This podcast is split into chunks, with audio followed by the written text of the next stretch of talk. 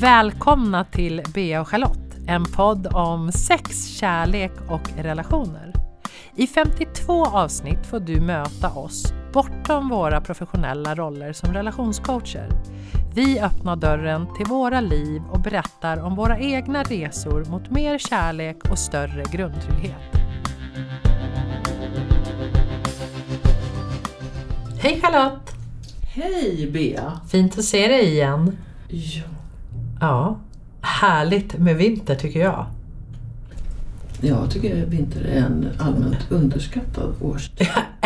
jag bor ju på landet och eh, vintern på landet tycker jag är något speciellt. Det är, liksom, det är där man ska uppleva vintern, inte inne i stan där det bara blir slask och man inte kan njuta. Men vi kan åka långfärdsskridskor och skidor och gå på så här härliga vinterpromenader och så. Så jag njuter väldigt, väldigt mycket av den här vintern faktiskt. Bara jag kommer ihåg att klä på mig. Klä dig efter vädret. Precis. Idag ska vi prata om när sex och kärlek kan bli ett beroende. För det är så att när vi använder olika saker som en självmedicinering, så vi använder det för att döva oss eller fly från någonting, så är det ju väldigt, väldigt lätt att det här utvecklas till ett beroende. Någonting som vi behöver för att reglera vårt mående och som vi faktiskt inte kan sluta med. Så kärlek kan bli det, relationer kan bli ett sånt beroende och sex kan bli det. Så jag tänkte att vi skulle titta lite närmare på det här idag. Vad har du för liksom, tankar om det här med att sex och kärlek och relationer kan bli ett beroende, Charlotte? Jag kan se ett mönster hos mig själv att jag, speciellt när jag var ung, så var det som att när jag hade kille så hade jag ett värde. Och då kunde jag vara ihop lite längre och lite, lite mer bara för att jag skulle få statusen av att ha det. Då kanske man inte har kommit så långt som till, till beroende. Men jag har också stannat kvar i relationer som inte har varit bra för mig på övertid. Jag vet inte heller om man ska kalla det för ett beroende, men det är i alla fall ett dåligt beteende. Ja men precis, och det, det finns ju också, det är viktigt att säga att det finns någonting som kallas för riskbruk när det kommer till beroenden, missbruk och sen beroende. Så man kan ju missbruka sex och kärlek utan att faktiskt bli beroende.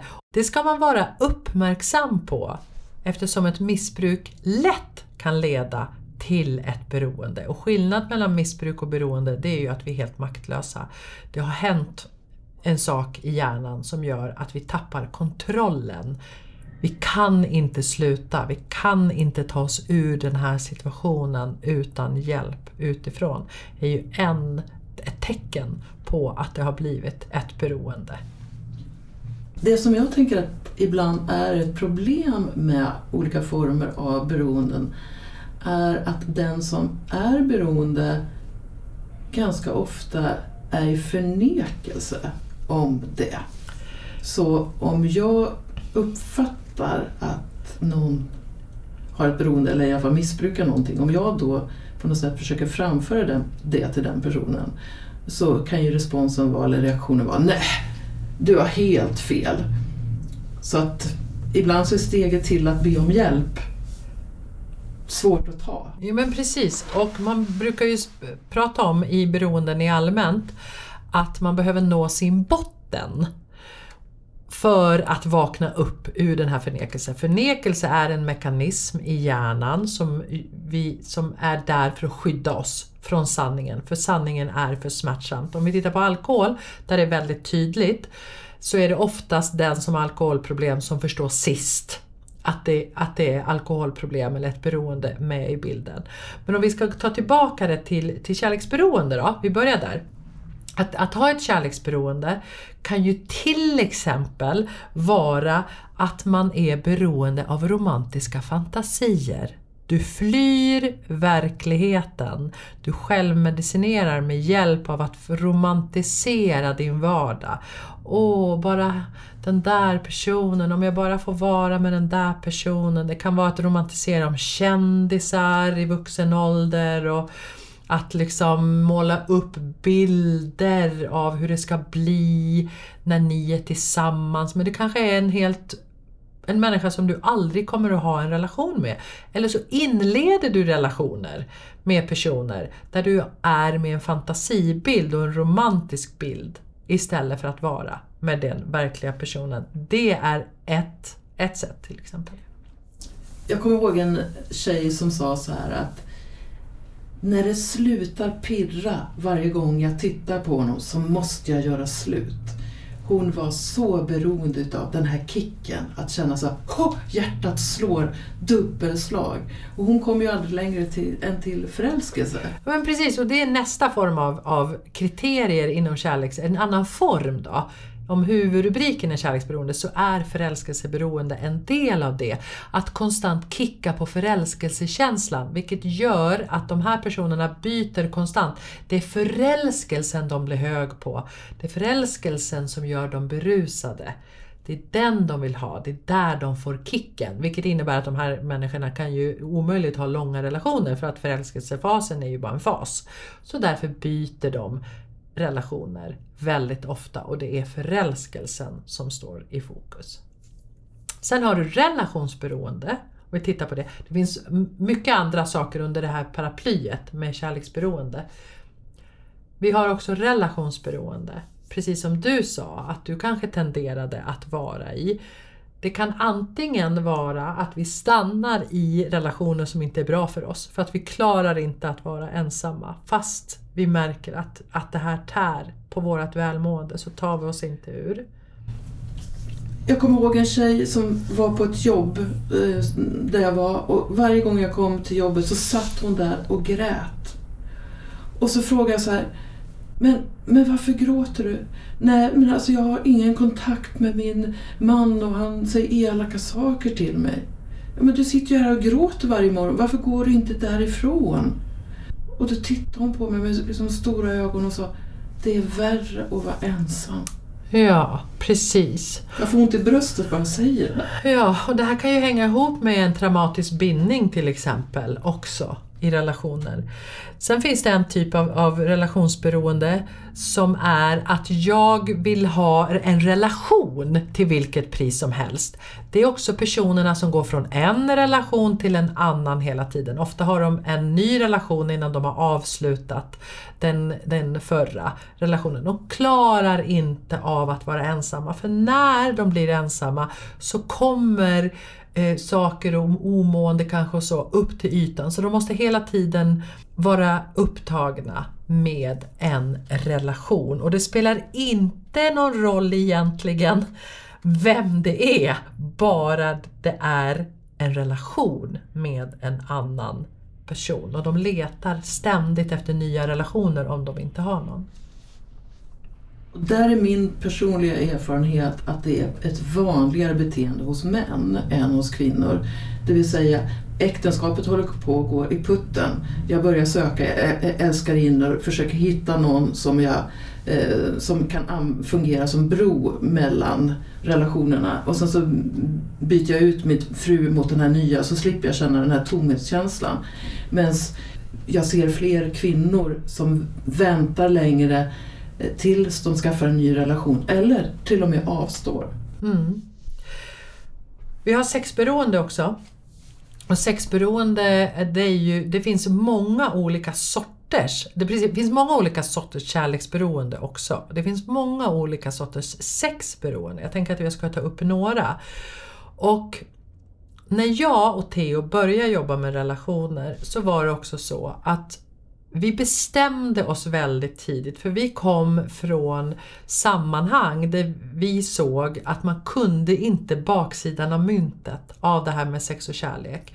Där man inte kunde ta hand om människor och fånga upp människor med sex och kärleksberoende. Så jag och Theo beslutade oss att utbilda oss till sex och kärleksberoende specialister så vi har ju båda gått den utbildningen. Och jag möter många på våra kurser och bland våra studenter som behöver gå vidare och ha det här med sig. Och, jag, och idag kan vi fånga upp det som att det faktiskt, och då kan de få rätt hjälp. Vi behandlar inte det här själv men vi skickar vidare och vi har ett stort nätverk där vi kan se till att de här personerna får hjälp. Men om vi tittar på sex så kan till exempel Sexberoende kan vara att man tror att sex är mitt viktigaste behov. Det är liksom, utan sex så dör jag. Det är liksom, jag kan inte leva utan sex. Det kan vara porr. En konsumtion av porr som gör att man går till porren när vi inte mår bra. Som en självmedicinering. Och för att det ska vara ett beroende så är det ofta hemligt. Det är ofta eskalerande.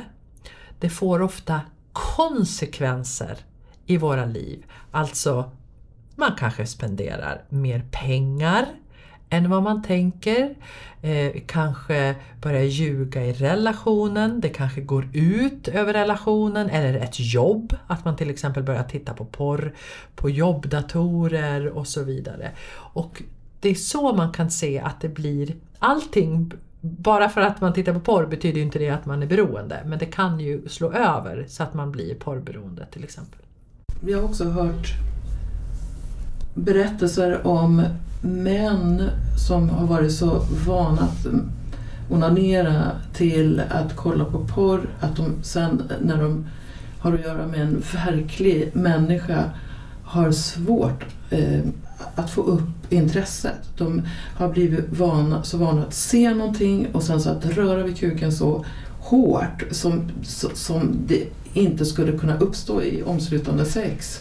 Så att det förstör möjligheten att ha intimitet med någon. Precis, du blir avtrubbad helt enkelt. Så, så, och det är ju också så här, när du tänker att du ska ta upp mobilen och bara kolla på ett sms och helt plötsligt har du spenderat 24 minuter. Det är liksom så här, så kan det ju vara i porr också, man ägnar mer tid än vad man tänker från början. Så bara se upp med de här sakerna och våga titta på det här för ett beroende påverkar ju hela ditt liv. Men jag vill bara nämna några till former av sexberoende. Det finns ganska många och vi hinner inte gå in på det här eh, alla idag. Förförelse, erövning är en form av sexberoende vilket gör att det är själva jakten. Och jag tänker att Tinder är en enormt plats för utagerande här. Förförelse, erövring och sen när man har fått sin erövring, då är det klart. Då är det inte intressant längre. Och de kan ha varit så charmerande de här personerna tills de får sitt byte. Och så står det bytet där och fattar ingenting. För de är inte intressanta. Sen är det nästa, nästa, nästa. Så förförelse och erövring är en sak som man kan fastna i. Fantasier. Det här pratade vi om när det gällde självsex. Och det, det här är fantasier där man börjar leva i en fantasivärld, en sexuell fantasivärld och flyr in i det. Oavsett om det handlar, är förknippat med självsex eller inte. Men man lever mer i fantasin än vad man lever i verkligheten. Köpsex är också en form av sexberoende. Man går till prostituerade, kan inte, det eskalerar. Det, man kanske har oskyddat sex och så vidare, utsätter sig själv för, Sara, eller för fara.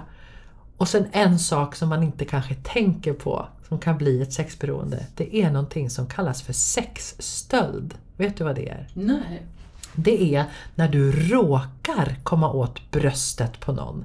När du råkar, när du stjäl sexuell liksom, kontakt av andra människor. Det här kan ske på krogen men det kan också ske i en ICA-kö och sådär. Man råkar liksom så här, ah, oj, komma åt någons bröst och det är själva kicken av stölden som gör berusningen.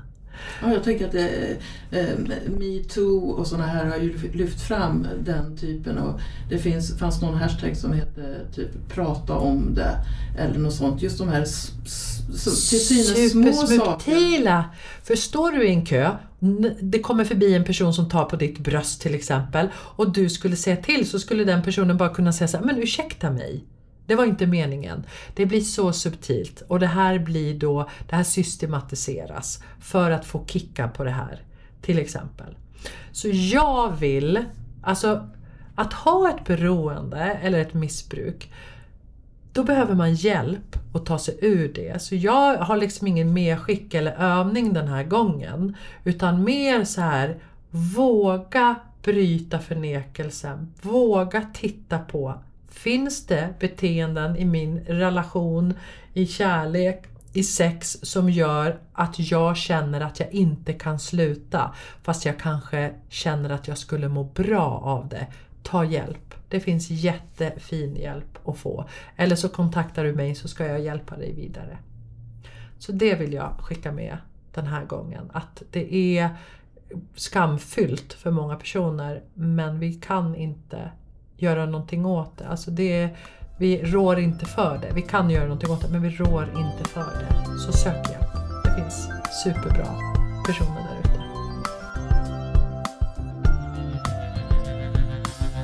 Du har lyssnat på Bea och Charlotte. Nästa vecka väntar ett nytt spännande avsnitt. Missa inte det!